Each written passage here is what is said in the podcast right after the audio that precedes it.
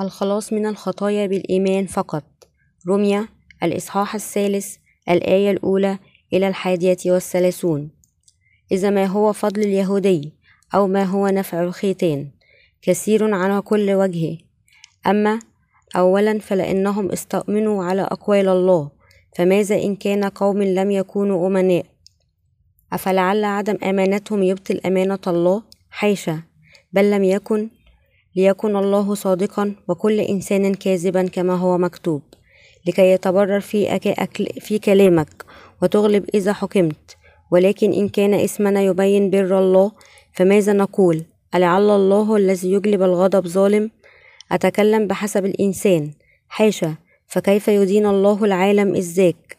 فإنه إن كان صدق الله قد ازداد بكذبي لمجده فلماذا أدين أنا بعدك خاطئ؟ أما كما يفتري علينا وكما يزعم قوم أننا نقول لنفعل السيئات لكي تأتي الخيرات الذين دينونتهم عادلة فماذا إذن؟ أنحن أفضل؟ كلا البتة لأننا قد شكونا أن اليهود واليونانيين أجمعين تحت الخطية. كما هو مكتوب أنه ليس بار ولا واحد ليس من يفهم ليس من يطلب الله. الجميع زاغوا وفسدوا معا. ليس من يعمل صلاحا إلا واحد هو الله. ليس من يعمل صلاحا ليس ولا واحد. حنجرتهم قبر مفتوح بألسنتهم قد مكروا. سموا الأصلال تحت شفاههم وفمهم مملوءا لعنة ومرارة. أرجلهم سريعة إلى سفك الدم. في طرقهم اغتصاب وسحق وطريق السلام لم يعرفوه. ليس خوف الله قدام عيونهم.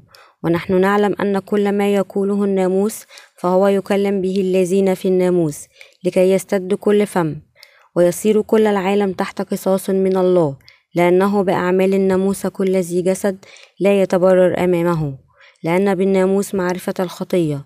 وأما الآن فقد ظهر بر الله بدون الناموس مشهودا له من الناموس والأنبياء.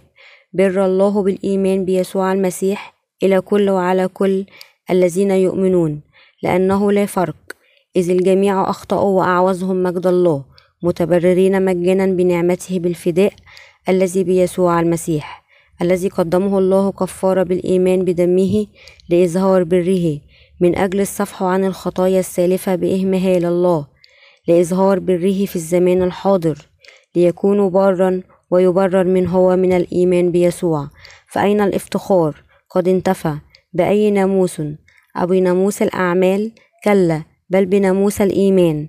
إذ نحسب أن الإنسان يتبرر بالإيمان بدون أعمال الناموس أما الله لليهود فقط. أليس للأمم أيضا؟ بلى للأمم أيضا لأن الله واحد هو الذي يبرر الختان بالإيمان والغرلة بالإيمان. أفبطل الناموس بالإيمان؟ حاشا بل نثبت الناموس. عدم أمانة الناس لا تبطل خلاص الله. يقول بولس الرسول أن إتمام الناموس وفداء نعمة الله لا يعطي لنا من خلال أعمالنا لكن خلال الإيمان. نحن نخلص من خطايانا ونصبح أبرارا من خلال خلاص الله. إذا ما هو فضل اليهودي؟ أو ما هو نفع الختان؟ كثيرا على كل وجه. أما أما أولا فلأنهم استأمنوا على أقوال الله فماذا إن كان قوم لم يكونوا أمناء؟ أفلعل عدم أمانتهم يبطل أمانة الله؟ حاشا رمي الإصحاح الثالث الآية الأولى إلى الرابعة. إن نفع اليهودي هو أن كلمة الله جاءت إليهم. هم يحيوا بينما يسمعون كلمته من أسلافهم لأن الله ائتمنهم على كلمته وهي قد نزلت من خلالهم. هم آمنوا أنهم أفضل من الأمم ومع ذلك يقول الكتاب المقدس أن الله رفض اليهود لأنهم لم يؤمنوا بيسوع الذي خلصهم من خطاياهم. يقول بولس فماذا إن كان قوم لم يكونوا أمناء؟ أفلعل عدم أمانتهم يبطل أمانة الله؟ حاشا. شك الناس لا يمكن أن يجعل إنقاذ الله بدون تأثير. إخلاص الله يعني أمانة الله. إنه يعني أن صدق الله وخلاصه من الخطايا؟ لا يمكن أن يبطل رغم أن اليهود لا يؤمنون به. إن كلمة وعد الله بأنه يخلص كل من يؤمن لا تلغي حتى لو لم يؤمنوا بها. سيؤمن الوثنيون إذا لم يؤمن اليهود. يقول الله أن كل من يؤمن يخلص من الخطايا. لذلك تخلى الله عن اليهود لأنهم لم يؤمنوا أن كلمة الحق قد تحققت وفقا لوعد الله حتى لو أمسكهم الله بكلمته. تأكيد بولس الرسول هو كالتالي لقد أعطى الله موهبة الخلاص لكل الإنسانيات. يقول الله أنه وعد بذلك في العهد القديم وأنجزه بإرسال يسوع المسيح ابنه الوحيد إلى العالم. يؤمن بعض الناس بإنجيل الله لكن البعض الآخر لا يؤمن بذلك. فكل من يؤمن فهو ابن الله كما وعد وبركات الله لا تلغي مهما لا يؤمن كثير من الناس. كل من يؤمن بالحق يمكنه أن ينال محبة الله العظيمة. من يسمع كلمة الحق ويؤمن بها يمكنه أن ينال محبة الله العظيمة. لكن غير المؤمنون يدعون أن الله كاذب. في الواقع حقق الله وعده لكن غير المؤمنون يستبعدون من خلاص الله لأنهم لا يؤمنون بنعمة مغفرة الخطايا. بولس يقول أفلعل عدم أمانتهم يبطل أمانة الله؟ حاشا وعد الله مرة وأعطى بإخلاص عطية إنقاذه ومجده إلى كل الناس. ماذا يقول الكتاب المقدس عن هبة الله؟ يقول الكتاب المقدس أن الله الآب أرسل ابنه الحبيب وأعطى نعمة أن يصير أولاده لأولئك الذين يؤمنون بمغفرة الخطايا. من خلال ابنه حتى قبل تأسيس العالم. خطط ليمنح كل البشر مجد أن يصبحوا أولاده والخلاص من الخطية من خلال بره. وقد تم ذلك بأمانة لذلك فالمؤمنون مباركون بحسب كلام الله. أما غير المؤمنون فيحاسبون على أساسها. من اللائق جدا للكفار أن يذهبوا إلى الجحيم. وضع الله ناموسا حتى نخلص بالإيمان بكلمته ويقول أيضا أن أمانة الله لن تكون أبدا بلا تأثير حتى لو لم يؤمن الناس بل مباركون. نحن مباركون بقلوبنا بأمانة خلاص الله. يقول الله بل ليكن الله صادقا وكل إنسانا كاذبا. كما هو مكتوب لكي تتبرر في كلامك وتغلب إذا حكمت. رمية الإصحاح الثالث الآية الرابعة. كل إنسان كاذب. الله حق. لماذا؟ لأن الله يقول كما هو مكتوب لكي تتبرر في كلامك وتغلب إذا حكمت يقول الله أنه يعد مقدما ويبارك أولئك الذين سيباركون ويلعن أولئك الذين يلعنون. إنما لله أن يبارك المؤمنين ويلعن غير المؤمنين. يقول الله ليكن الله صادقا وكل إنسانا كاذبا. لكي تتبرر في كلامك وتغلب إذا حكمت يقول أنه سيخلص الناس حسب كلمته. الكلمة صار جسدا وحل بيننا وخلصنا. لذلك يتبرر الرب بكلماته.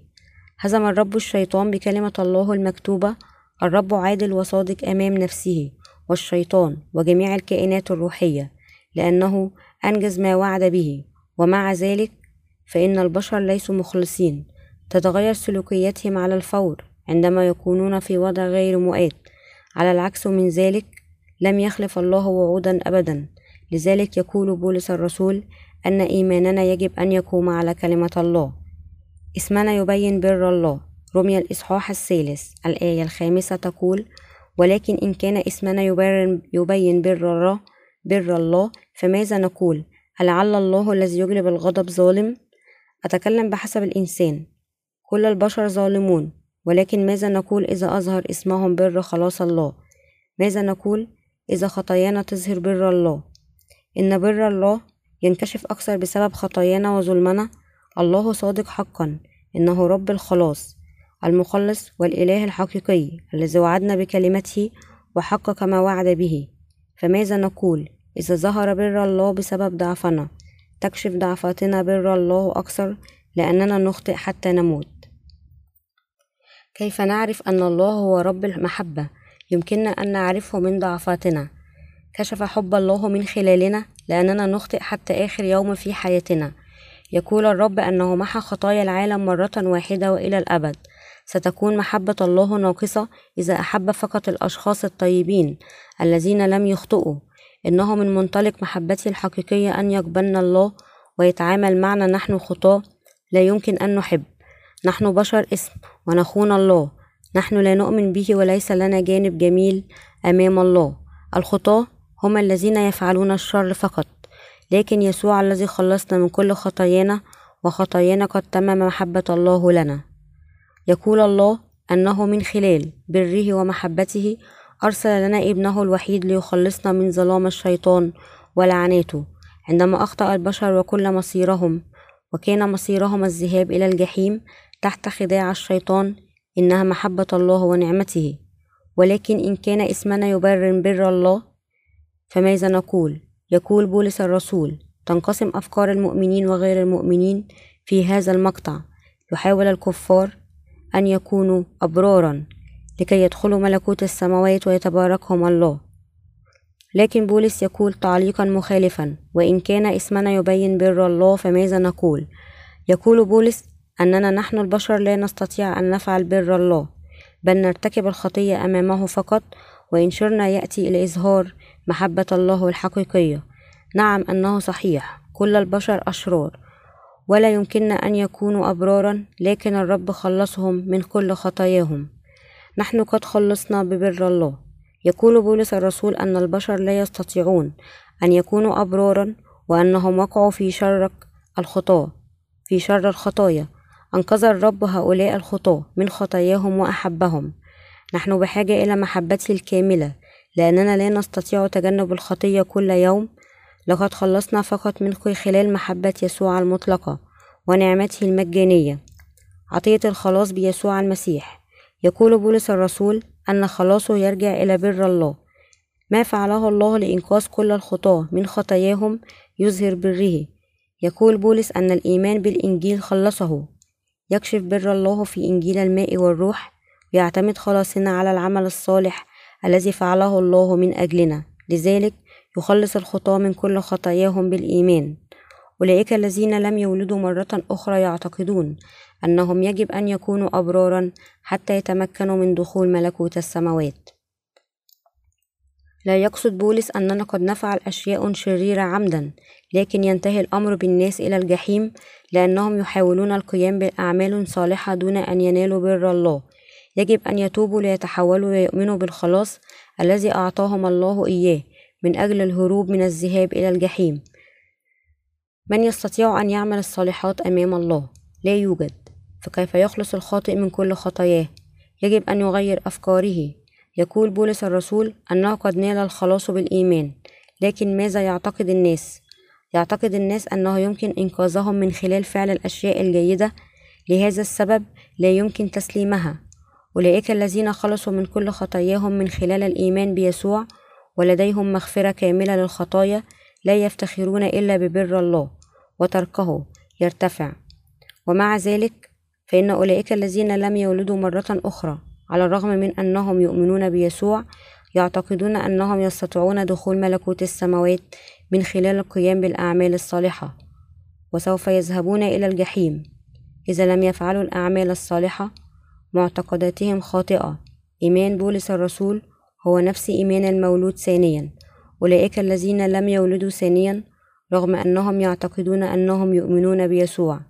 ليس لديهم معتقدات خاطئة لأنهم يحاولون إضافة أعمالهم إلى معتقداتهم. لا نخلص بإضافة أعمالنا الفاضلة ولكن بالإيمان ببر الله معمودية يسوع وموته على الصليب. البر لا يمكن أن يخطئ عن عمد. ولكن إن كان اسمنا يبين بر الله فماذا نقول؟ يقول الكتاب المقدس أن اسمنا يبين بر الله ومحبته فقط. يقول الكتاب المقدس فإنه إن كان صدق الله قد ازداد بكسبي لمجده.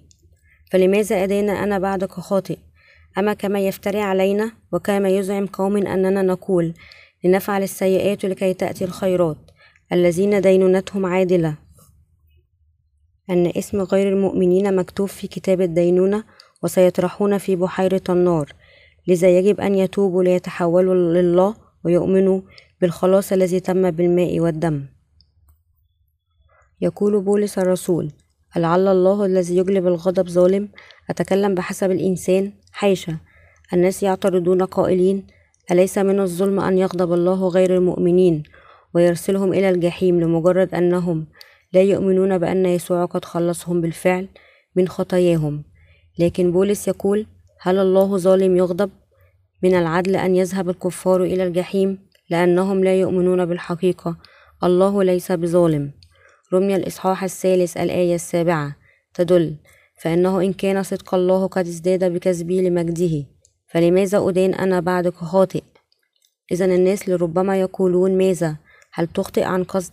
لأن لديك غفران خطاياك فسوف تكذب أكثر لأن بر الله يخلصك. هل تخطئ أكثر عمدا؟ لكن الكتاب المقدس يقول إنهم يتصرفون بهذه الطرق مع قلوب شريرة. لا يعرفون خلاص الله ولا يؤمنون بمحبته. لذلك يقول بولس أن صدق الله قد كسر لمجده بسبب خطايانا وأكاذيبنا. لكن الناس عارضوا بولس بأفكارهم الخاصة قائلين يمكنك أن ترتكب المزيد من الخطايا إذا كنت تؤمن أنك تخلص بالإيمان بدون أفعال.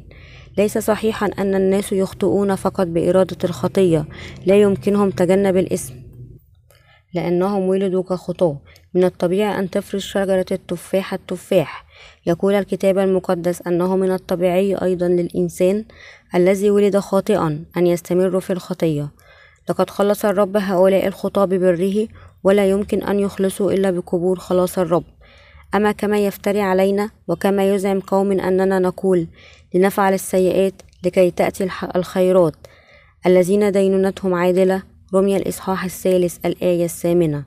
أولئك الذين يتعرضون لخداع المعلمين الكذبة بينما يفترضون أنهم يؤمنون بيسوع يفكرون بهذه الطريقة. الرسالة إلى روميا كتبها بولس الرسول منذ حوالي ألفي سنة. فكر الكثير من الناس في ذلك الوقت بهذه الطريقة تماما كما يفعل غير المؤمنين اليوم. يعتقد المؤمنون الكذب تماما كما فعل غير المؤمنون في زمن بولس. قائلين هل ستخطئين عمدا أكثر إذا كان لديك مغفرة للخطايا وبلا خطية وتعلم أنك خطاياك المستقبلية قد غفرت؟ يتصرف غير المؤمنين حسب أفكار الجسد الخائنة. لا يمكنهم الدخول إلى حقيقة خلاص الله بسبب أفكارهم الخاطئة عن الجسد بالطبع. حتى الأبرار ما زالوا يخطئون بعد أن نالوا مغفرة الخطايا. لكن هناك حد يقول الكتاب المقدس أن الخطاة يستمرون في ارتكاب الخطية لأنهم لا يدركون أنهم يرتكبون خطية ولا يعرفون أنها خطية قبل أن يولدوا ثانيا من الماء والروح. ومع ذلك يقول الكتاب المقدس أن الأبرار لا يمكنهم أن يخطئوا متهور لأنهم تحت حكم الله. قال بعض الناس للرسول بولس ألا تفعل أشياء شريرة حتى يأتي الخير؟ لأن الله خلصك من كل خطاياك. من الأفضل أن تفعل المزيد من الأفعال الشريرة لكي يظهر بر الله أكثر. يقول بولس أن اللعنة عليهم عادلة إنه يعني أنه من الصواب أن يحكم عليهم ويذهبوا إلى الجحيم. لماذا؟ لأنهم لا يعتمدون على الإيمان بل على أعمالهم. بر الله لا يمكن أن يتم إبطاله. بولس الرسول يقول فماذا إن كان قوم لم يكونوا أمناء؟ أفلعل عدم أمانتهم يبطل أمانة الله؟ هل يجعل عدم إيمانهم خلاص الله بلا تأثير لمجرد؟ أنهم لا يؤمنون بخلاص الله. يخلص الناس إذا آمنوا لكنهم يفقدون نعمة مغفرة الخطايا إذا لم يؤمنوا. بر الله ثابت هل تفهم أولئك الذين يذهبون إلى الجحيم؟ يتطوعون للذهاب إلى الجحيم لأنهم اختاروا عدم الإيمان أعمال الله ونعمة الخلاص من الخطية لا تصبح باطلة يقفون بسرعة. خلاص الرب لا علاقة له بالجهود البشرية القائمة على أعمال الناموس إنه يتعلق فقط بالمؤمنين. المؤمنون يخلصون حسب حق الله لكن غير المؤمنين سيذهبون إلى الجحيم لأنهم لا يخلصون برفض حقه. أرسل الله المؤمنين أرسل الله وحجر صدمة وصخرة عصرة. إشعياء الإصحاح الثامن الآية الرابعة عشر. من يؤمن بيسوع يصبح بارا وله حياة أبدية مهما كان شريرا. من لا يؤمن بيسوع سيذهب إلى الجحيم بسبب أجرة الخطية مهما كان صلاحه. يسوع هو حجر عصرة وصخرة إهانة لأولئك الذين لا يؤمنون بمغفرة الخطايا. لا يوجد بار يملك خطية. يتحدث بولس الرسول عن الإيمان بالخلاص لأولئك الذين يتظاهرون بأنهم صالحون. لذلك يعتبر الناس أن روميا هي كلمة الله التي تتحدث عن الإيمان. يتساءل البعض عمن يعتبرون أنفسهم الأبرار في الواقع؟ أولئك الذين غفر يسوع خطاياهم هم برون لأن كل خطاياهم غفرت. يسوع أمين. تعني أنه خلصك بأمانة الخطاة من خطاياهم. يقول بعض الناس إنهم خطاة خلصوا لكن لا يمكن أن يكون مثل هؤلاء الناس أمام الله. كيف يمكن للإنسان أن يظل خاطئا بعد أن ينجو من الخطية؟ نحن نخلص إذا خلصنا يسوع وكنا خطاة إذا لم يخلصنا يسوع. لا يوجد وسط في الخلاص. هل يوجد بار له معصية؟ لا يوجد بار له خطية. يكون الشخص خاطئا إذا كان لديه خطية ولكنه بار وبار إذا كان يؤمن بيسوع. كيف نحسم مشكلة الخطايا اليومية والمستقبلية؟ يعتقد الناس أنهم خطاة لا مفر منهم لأنهم يخطئون كل يوم وسوف يخطئون حتى يموتوا. ومع ذلك فقد أصبحنا أبرارا من خلال الإيمان بالإنجيل الذي يقول أن يسوع أزال خطايا العالم بما في ذلك خطايا المستقبل في نهر الأردن ثم صلب. البار الذي عنده خطية لا معنى له. هل من المعقول الاعتقاد بأن الشخص لا يزال مديونا رغم أنه قد سدد ديونه بالفعل؟ لنفترض أنه كان هناك ذات مرة رجلا لديه الكثير من المال لكن ابنه وقع في عادة سيئة لشراء الحلوى بالدين من جميع متاجر المدينة. كل يوم عندما يكبر ومع ذلك فقد دفع والده الغني ما يكفي من المال الذي تجاوز ديون ابنه الطويلة لكل متجر مقدما. لذلك لا يمكن أن يكون مدينا أبدا على الرغم من أنه كان يستمتع بتناول الحلوى كل يوم. دون دفع نقود حتى وفاته. لقد خلصنا الرب بالبر من حمل خطايانا معه مرة واحدة وإلى الأبد في نهر الأردن. لقد أنقذنا جميعا تماما. لذلك لا يمكننا أبدا أن نصبح خطاة مرة أخرى.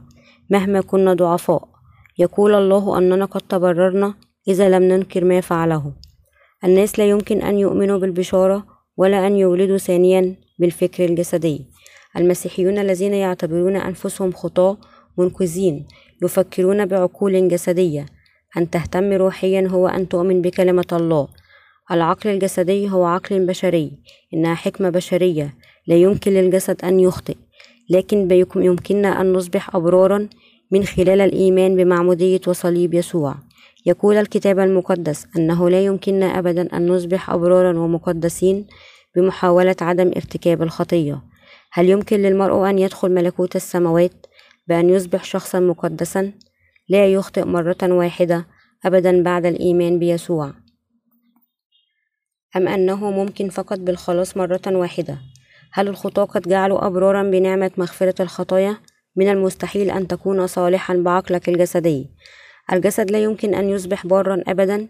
يريد الجسد دائما شيئا ما ليأكله عندما يشعر بالجوع. يستحيل تقديس الجسد لأن للجسد شهوات وشهوات. وبسبب ذلك نصير أبرارا فقط من خلال الإيمان بماء ودم يسوع. هل يمكننا دخول ملكوت السماوات بعدم الخطية بعد الآن؟ وتطهير أنفسنا كالثلج إنه تفكير فخور للإنسان الذي لديه شهوات الجسد وأهوائه. أن يتقدس بتجنب الخطية مستحيل. لا يمكن للناس أن يؤمنوا بالإنجيل ولا أن يولدوا ثانيا. لأنهم يفكرون في الإيمان بعقول جسدية. قال المسيح المولود من الجسد جسد هو والمولود من الروح هو روح. يوحنا الإصحاح الثالث الآية السادسة. من المستحيل أن تصبح مستقيما بعقل جسدي. قد تعتقد أيضا أن هذا مستحيل لأنك ستخطئ غدا. على الرغم من مدى توبك التام وإيمانك بيسوع حتى اليوم قد تفكر كيف أقول أنني بلا خطية وأن أواصل الخطية حتى الآن. هل من الممكن أن تصبح بارا إذا كنت تفكر بالجسد كما يفعل الجسد؟ من المستحيل أن تتقدس بالجسد ومع ذلك يستطيع إلهنا أن يجعلنا أبرارا. ومع ذلك يمكن أن يخلصنا الله تماما حتى لو لم يستطع الإنسان ذلك. يستطيع الله أن يطهر ضمائرنا ويجعلنا نعترف بأننا أبرارا وأنه أبونا ومخلصنا. عليك أن تعرف أن الإيمان يبدأ من الإيمان بالكلمة الحقيقية بقلبك. يبدأ بكلمة الحق. نصير صالحا بالإيمان بالكلمة الحقيقية بقلوبنا. لا يمكننا أبدا أن نتبرر بأعمال الجسد. ومع ذلك فإن أولئك الذين لم يولدوا مرة أخرى لا يمكنهم تحرير أنفسهم من أفكارهم لأنهم محبوسون في أفكارهم. لا يمكنهم أبدا أن يقولوا أنهم صالحون. لأنهم يفكرون بعقول جسدية. على العكس من ذلك فإن الإيمان الذي يمكننا من خلاله القول بأننا أبرار يبدأ بمعرفة حقيقية كلمة الله. إذا كنت تريد حقا أن تولد من جديد فلا يمكنك بالتأكيد أن تولد من جديد إلا من خلال سماع الكلمة الحقيقية من خلال شخص مولود من جديد بشكل ملموس. لأن الروح القدس في القديس المولود من جديد يسعد بالعمل مع الحق. ويفحص كل شيء حتى أعماق الله. كورنثوس الأولى الإصحاح الثاني الآية العاشرة. يمكن للناس أن يولدوا ثانيا عندما يسمعون كلمة الله من خلال الأبرار لأن الروح القدس يسكن في الأبرار الذين ولدوا ثانيا. أريدك أن تضعها في الاعتبار. عليك أن تقابل الأبرار الذين ولدوا من جديد. إذا كنت تريد أن تنال نعمة أن تولد من جديد. وأنجب إبراهيم إسماعيل وإسحاق ولد إسماعيل. من جارية كان إسماعيل يبلغ من العمر الرابعة عشر عاما عندما ولد إسحاق. اضطهد إسماعيل إسحاق الذي ولدت من قبل امرأة حرة. من كان له حق الخلافة كان لإسحاق الذي ولدت من قبل السيدة الحرة سارة حق الخلافة. كان لإسحاق الحق في الخلافة وتمت الموافقة على الرغم من أن إسماعيل كان أكبر سنا. وأقوى في الجسد من إسحاق. لماذا؟ ولد إسحاق بعد كلمة الله. الإيمان الذي يؤسسه الفكر الإنساني هو مثل قلعة الرمل. يمكن أن يولد الناس من جديد فقط عندما يتعلمون حقيقة كلمة الله ويؤمنون بها. فماذا إذا أنحن أفضل كلا البتة لأننا قد شكونا أن اليهود واليونانيين أجمعين تحت الخطية. كما هو مكتوب أنه ليس بارا ولا واحد. رمي الإصحاح الثالث. الآية التاسعة إلى العاشرة. ماذا تعني هذه المقاطع؟ هل تشير الفقرات إلى حالة البشر قبل أن يولدوا ثانيا أو بعد أن يولدوا ثانيا؟ كنا كلنا خطاة قبل أن نولد ثانيا. لا يوجد بار. كانت حالة البشر قبل أن يمحو يسوع كل خطايا العالم. لا يمكن لأحد أن يتقدس بدون الإيمان بيسوع. جاءت عبارة التقديس التدريجي من عابدي الأوثان في الديانات الوثنية. يقول الكتاب المقدس ليس بارا ولا واحد كيف يمكن أن يتقدس الإنسان بتدريب نفسه؟ لا يمكن للإنسان أن يصبح بارا بنفسه؟ ليس هناك من يتبرر أو يستقيم بنفسه؟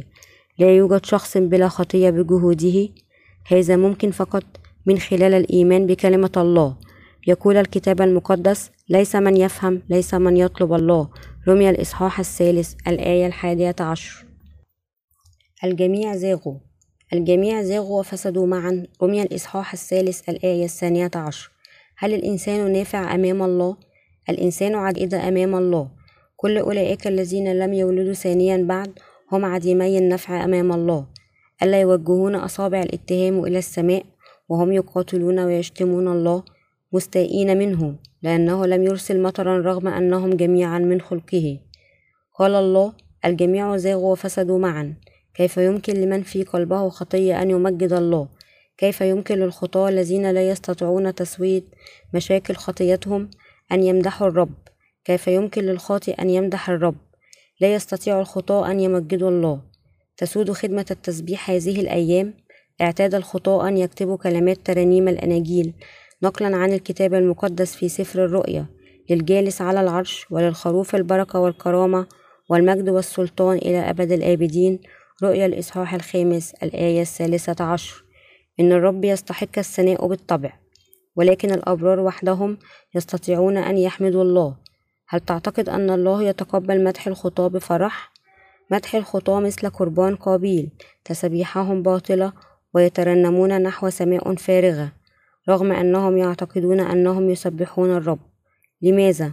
لأن الله لا يفرح بهم. لا يسمع الله صلاة الخطاة أبدا. إشعياء الإصحاح التاسع والخمسون الآية الأولى إلى الثانية. يقول الكتاب المقدس أنهم جميعا قد انقلبوا وأصبحوا معا غير مربحين. الكلمات الجميع زاغوا يعني أنهم آمنوا بأفكارهم ورفضوا كلمة الله. الدينونة الحقيقية تصدر بكلمة الله الله وحده يحكم لا يستطيع البشر الحكم. الكلمات الجميع زاغوا يعني أنهم تحولوا إلى أفكارهم الخاصة. يقولون دائما أشياء مثل أفكر بهذه الطريقة وأؤمن بهذه الطريقة. أولئك الذين لا يتخلون عن أفكارهم يفسحون الطريق لأفكارهم حتى لا يعودوا إلى كلمة الله. أولئك الذين لم يولدوا ثانيا يعتقدون أنهم قضاتهم لا يهمهم ما هو مكتوب في كلمة الله إنهم يتشبثون بأفكارهم ويحكمون على ما يوافقون على أن يكون صحيحا أو خاطئا. قائلين أنا أفكر بهذه الطريقة وأؤمن بهذه الطريقة. هذا ليس هو نفسه ما أفكر فيه. كيف يمكنهم العثور على الحقيقة؟ يقول الله أن كل البشر قد تخلوا عن أفكارهم الخاصة. يجب ألا نتجاهل أفكارنا. يجب علينا بدلا من ذلك العودة إلى الرب. علينا أن نخلص بالطريقة العادلة. علينا أن نحكم أمام الكلمة الحقيقية إذا ما هو البر؟ يجب أن نولد ثانيا بكلمة الله. البر هو كلمة الله الذي هو الحق. كلمة الله هي الناموس الذي يشير إلى قضيب وقياس يجب أن نعرف أن كلمة الله هي معيار أو علامة. في البدء كان الكلمة يوحنا الإصحاح الأول الآية الأولى. من كان مع الله الآب والروح القدس. هو الله الكلمة. الكلمة الله يسوع المسيح مخلصنا وملك الملوك هو الكلمة إلهنا. مكتوب أن الكلمة كان عند الله في البدء مع من كان مع الله الكلمة. إذا فالكلمة هي يسوع مخلصنا والله المخلص هو الله. إن التمثيل الدقيق لطبيعته هو الكلمة. لذا فإن كلمة الله تختلف عن أفكارنا لأن الكلمة هي الله. من الجهل جدا أن يحاول الإنسان فهم كلمة الله بأفكاره الجسدية. لذلك يمكن أن يستخدم الله الشخص الذي يصمت في كلمته وفي الإيمان إن من يصمت في كلام الله هو أمين ومفيد أمام الله والله يباركه. يمكن للمرء أن يفعل ما هو جيد. تقول الكلمة الذي هو الله أنه لا يوجد بار ولا واحد ومع ذلك يعتقد البعض. يبدو أن هناك شخصا يعمل الخير في الواقع يلعب الناس دور المنافق أمام الله. يجب أن نعلم أنه ليس لدينا جانب من البر قبل أن نولد من جديد. كل البشر يتمردون على الله إنهم يغشون بعضهم البعض وحتى الله وهم يتظاهرون بالقداسة والصلاح والرحمة. إنه تحدي الله لهم لكي يتظاهروا بأنهم صالحون. وحده الله صالح أن تكون ضد الله وتتمرد على حقيقته. أن تدعي أنك طيب دون أن تولد من جديد وأن تؤمن بحب بحبه وبره. هل تعتقد أن الله وحده هو الذي يحكم على الخطاة الجادين؟ من لم يولد ثانيا حتى لو كان مسيحيا لا يمكنه الهروب من غضب الله. لذلك تخلى عن أسلوب حياتك المنافق واسمع كلمة الله. ولدت من جديد ثم يمكنك الهروب من دينونة الله. هل سبق لك أن رأيت شخصا شريرا ليس مليئا بالوسواس ليكون جيدا من بين أولئك؟ الذين لم يولدوا ثانيا الناس مليئون بالهوس ليكونوا أبرارا. من على علم هذا من علم هذا الشيطان. لا يمكن للإنسان في الأصل أن يكون جيدا أبدا. يمكن للإنسان أن يعيش حياة طيبة عندما تمحى كل خطاياه أمام الله. إذا هل يخبرنا الله أن نفعل أشياء شريرة عمدا؟ لا. يخبرنا الله أن ننال مغفرة الخطايا لأننا أصابنا بالفعل بالخطية. قبل أن نولد ومقدر لنا أن نذهب إلى الجحيم. يريد الله منا جميعا أن نقبل كلمته الحقيقية حتى نخلص. يتكلم الشيطان بالكذب دائما من خلال غير المؤمنين. حنجرتهم قبر مفتوح بألسنتهم قد مكروا. سم الأصلال تحت شفاههم وفمهم مملوء لعنة ومرارة. أرجلهم سريعة إلى سفك الدم. في طرقهم اغتصاب وسحق. وطريق السلام لم يعرفوه. ليس خوف الله قدام عيونهم. رمي الإصحاح الثالث الآية الثالثة عشر إلى الثامنة عشر. بألسنتهم قد مكروا كل الناس جيدون في الخداع. يقول الله حول الشيطان ما تتكلم بالكذب فإنما يتكلم مما له. يوحنا الإصحاح الثامن الآية الأربعة والأربعون. كل أولئك الذين لم يولدوا ثانيا يقولون أنا أقول الحقيقة حقا هذا صحيح. لكن أقوالهم كلها أكاذيب. أولئك الذين يؤكدون على أن أقوالهم صحيحة هم كاذبون. هل سبق لك أن رأيت محتالين يقولون أنا كاذب ومحتال؟ عندما يحاول خداع الآخرين. يتحدثون كما لو أن كل ما يقولونه صحيح. يمكنهم أن يقولوا بشكل مقنع. دعني أخبرك بشيء. إذا استثمرت أموالك في هذا يمكنك كسب أموال كبيرة. إذا استثمرت مليون دولار يمكنك جني نفس المبلغ الأساسي. قريبا وستجني عشرة ملايين دولار في بضع سنوات. إنه استثمار رائع. هل تريد الاستثمار؟ أولئك الذين لم يولدوا ثانيا يخدعون دائما بألسنتهم. عندما يتكلم الشيطان بالكذب فإنه يتكلم من مصادره الخاصة. الواعظ الذي لم يولد ثانيا يكذب دائما. يدعي أنه يمكن أن يكون المرء ثريا إذا قدم كمية كبيرة من العشور هل هناك أي فقرة في الكتاب المقدس تقول أنه يمكن للمرء أن يصبح ثريا إذا أصبح شيخا؟ لماذا يحاول الناس أن يصبحوا كبار السن؟ يحاولون أن يكونوا شيوخا لأنهم قادرون إلى الاعتقاد بأنهم إذا أصبحوا شيوخا فسوف يمنحهم الله البركات الأرضية يتم خداعهم لأنهم يعتقدون أنه يمكنهم الحصول على نعمة الثروة إذا أصبحوا شيوخا وقعوا في فخ الغش. هل سبق لك أن أصبحت شيخا بخداعك بهذه الكذبة؟ لقد عاش الكثير من الناس مثل المتسولين بعد أن أصبحوا شيوخا. أعرف الكثير منهم حولي. الأنبياء الكذبة الذين لم يولدوا ثانيا يعينون الأثرياء شيوخا في كنائسهم. لماذا؟ لأنهم يريدون من الشيوخ تقديم مساهمات كبيرة لكنائسهم. في بعض الأحيان يعينون أشياء أشخاصا بلا مال ليكونوا شيوخا لأنهم يريدون جعلهم أتباعهم المكفوفين القول الشائع ينعم المرء بالثروة إذا أصبح شيخا كذبة لأنه لا يوجد ذكر لهذا في الكتاب المقدس. يقول الكتاب المقدس إن خدام الله يفضلون الاضطهاد على نعمة الغني.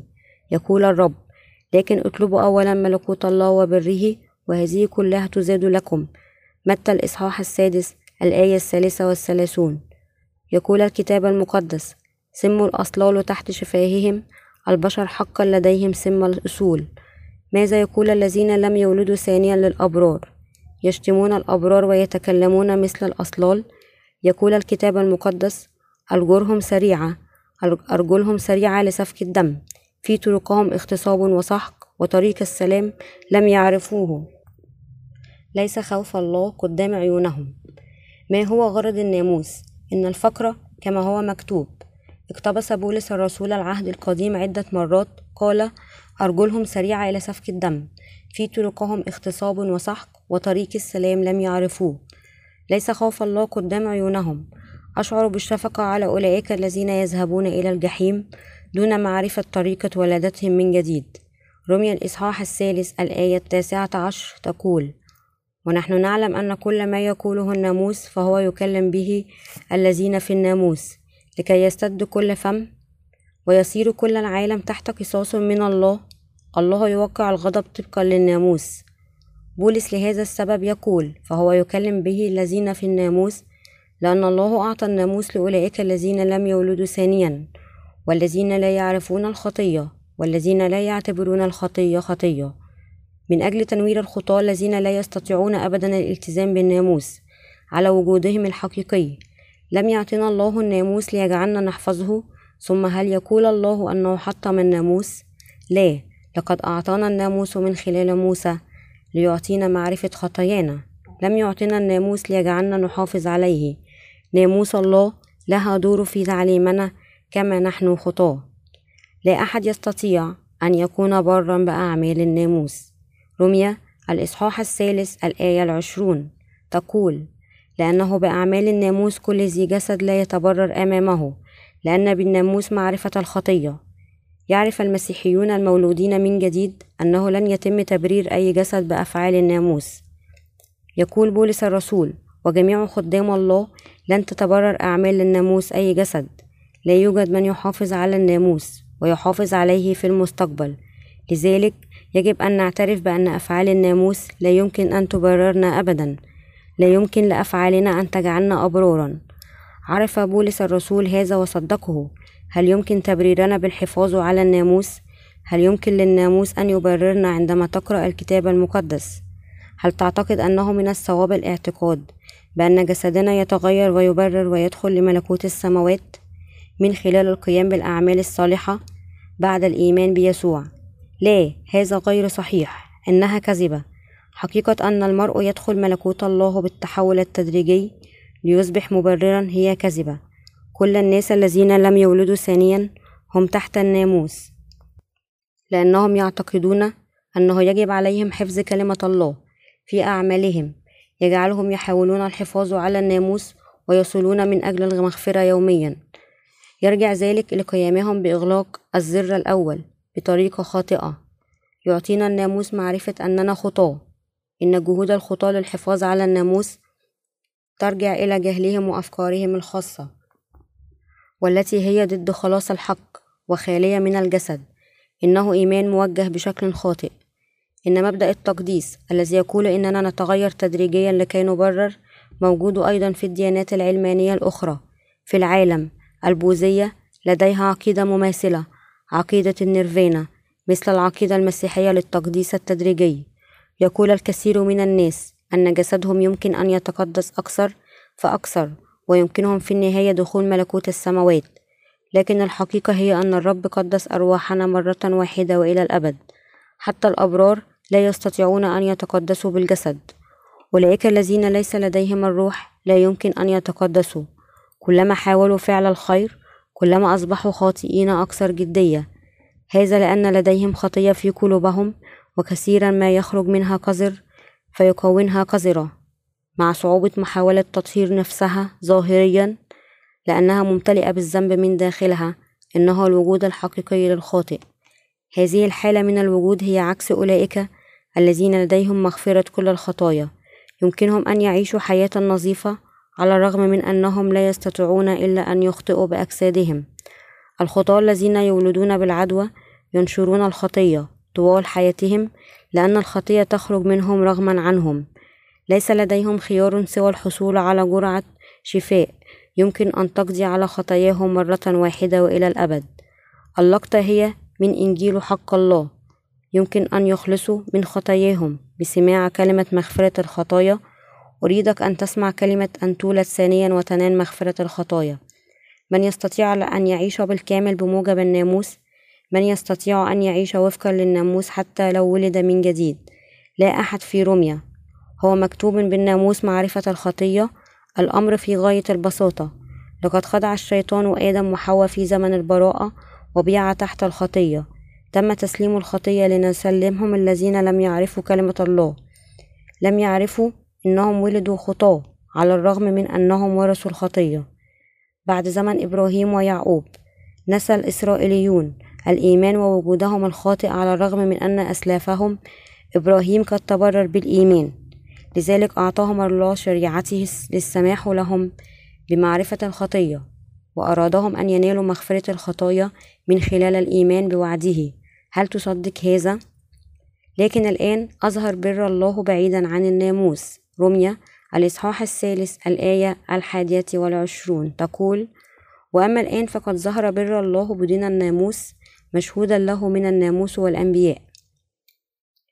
بولس الرسول يقول بأن بر الله يكشف منفصلا عن الناموس. الكلمات مشهودا له من الناموس والأنبياء. تشير إلى العهد القديم. إن إنجيل الماء والروح هو بر الله الذي أنزل من خلال نظام الذبائح. يكشف الإنجيل عن البر الذي يقودنا إلى قبول مغفرة الخطايا من خلال ذبيحة الخطية. رمية الإصحاح الثالث الآية الثانية والعشرون تقول بر الله بالإيمان بيسوع المسيح إلى كل وعلى كل. الذين يؤمنون لأنه لا فرق إيماننا في قلوبنا. إن رئيس الإيمان ومتممه هو يسوع المسيح. عبرانيين الآية الثانية الإصحاح الثاني عشر الآية الثانية تقول ناظرين إلى رئيس الإيمان ومكمله يسوع. الرئيس والمتمم للإيمان هو يسوع ونحن نؤمن بالكلمة الحقيقية التي هي الله. نحن يجب أن نتعلم ونؤمن بالكلمات الحقيقية للكتاب المقدس من الخدام المولودين ثانيا لكي ننقذ من كل خطايانا وأن نعيش بالإيمان. نحن يجب أن نؤمن بيسوع بقلوبنا.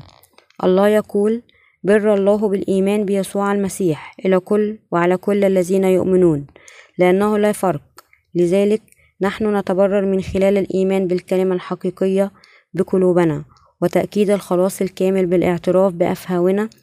لا يمكننا أن نخلص بأفعالنا بل بالإيمان. نشكر الرب فقط وكنيسة الله. هل تصادف أن تكون مقيدا بأعمالك مع أن كل خطاياك قد حطبت قد خطيت؟ أنت بار بغض النظر. عن ضعف جسدك. إذا كنت تؤمن بالله بقلبك يشهد الروح القدس بكلمة الله في قلبك قائلا أنت بار لأنه يقودنا لفهم الكلمة الحقيقية عندما نسمع الكلمة. هل تم خلاصك بالإيمان بعد سماع كلمة الله؟ بر الله بالإيمان بيسوع المسيح. إلى كل وعلى كل الذين يؤمنون لأنه لا فرق. من يتعلم ويؤمن بكلمة الله وهي الحق يمكنه أن يخلص من كل خطاياه. محى يسوع كل الخطايا من بداية إلى نهاية العالم؟ رمي الإصحاح الثالث الآية الثالثة والعشرون إلى الخامسة والعشرون. تقول إذا الجميع أخطأوا وعوزهم مجد الله متبررين مجانا بنعمته بالفداء الذي بيسوع المسيح الذي قدمه الله كفارة بالإيمان بدمه لإظهار بره. من أجل الصفح عن الخطايا السالفة بإمهال الله. يقول الكتاب المقدس أن الجميع أخطأوا وعوزهم مجد الله لقد تلقينا مغفرة الخطايا وأصبحنا نتبرر مجانا بنعمته ومحبته بينما يذهب الخطاة إلى الجحيم. وصلنا إلى مجد الله وتبريرنا.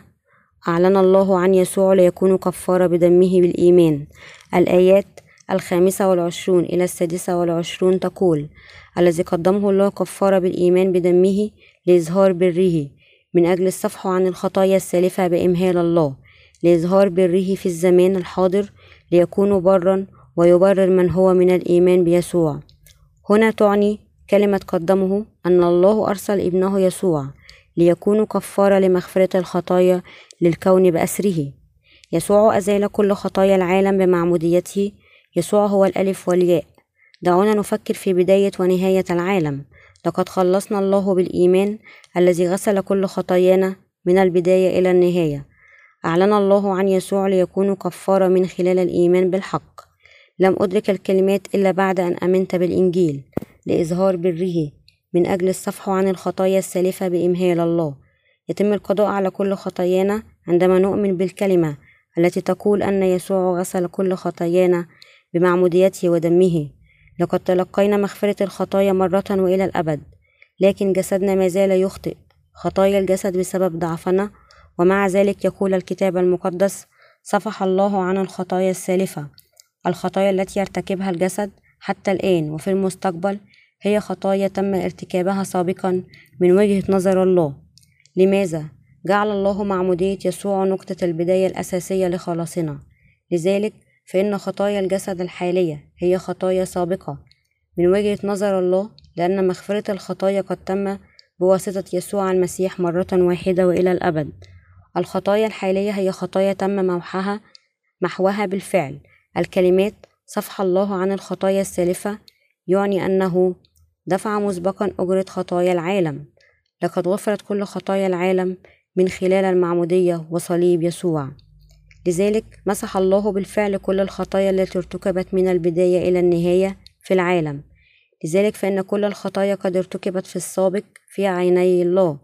الناس في العالم يرتكبون خطايا سبق أن محاها ابن الله. لقد غسل المسيح بالفعل الخطايا التي كانت سترتكب في عام 2002 منذ حوالي ألفي عام. هل تفهم هذا؟ لقد طوى الله بالفعل خطايا العالم. بما في ذلك خطاياك وخطاياي؟ هل ترى ماذا يعني هذا؟ قد تشعر بالحيرة عندما تكرس بالإنجيل لأشخاص آخرين. إذا كنت لا تفهم الكلمات صفح الله عن الخطايا السالفة تعني أن الله يتغاضى عن كل الخطايا لأنه قد قضى عليها بالفعل منذ حوالي ألفي عام. لقد حكم على الخطايا على خطايا جميع البشر لأن يسوع تعمد في نهر الأردن وصلب. يتخطى الله كل الخطايا لأن يسوع أرسل إلى العالم وبرر تماما جميع البشر مرة واحدة وإلى الأبد. لذلك لا يلوم الله الخطايا التي يرتكبها كل الناس في العالم والتي محوها بالفعل والتي محواها بالفعل. بل على عدم الإيمان بالمعمودية وصليب يسوع. هل تفهم ما يعنيه بولس الرسول؟ إنه مهم جدا لنا. نحن الذين نخلص نخلص أولئك الذين لم يولدوا ثانيا سيذهبون إلى الجحيم. لأنهم تجاهلوا ذلك يجب أن نسمع ونحصل على المعرفة الصحيحة للكلمة.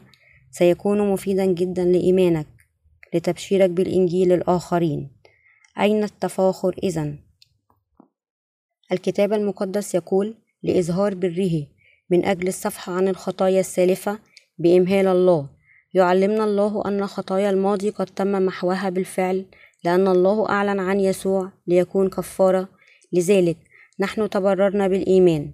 الآية السادسة والعشرون تقول لإظهار بره في الزمان الحاضر ليكون برا ويبرر من هو من الإيمان بيسوع. في هذا الوقت الحاضر أعطى الله العالم حياة أبدية حتى لا يهلك العالم. في الوقت الحاضر أرسل الله يسوع المسيح ليثبت بره ويتمم ما وعد به.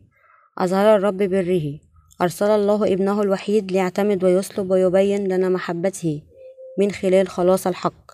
جاء الرب للخطاة كمخلصهم لإظهار بره في الزمان الحاضر ليكون برا ويبرر من هو من الإيمان بيسوع.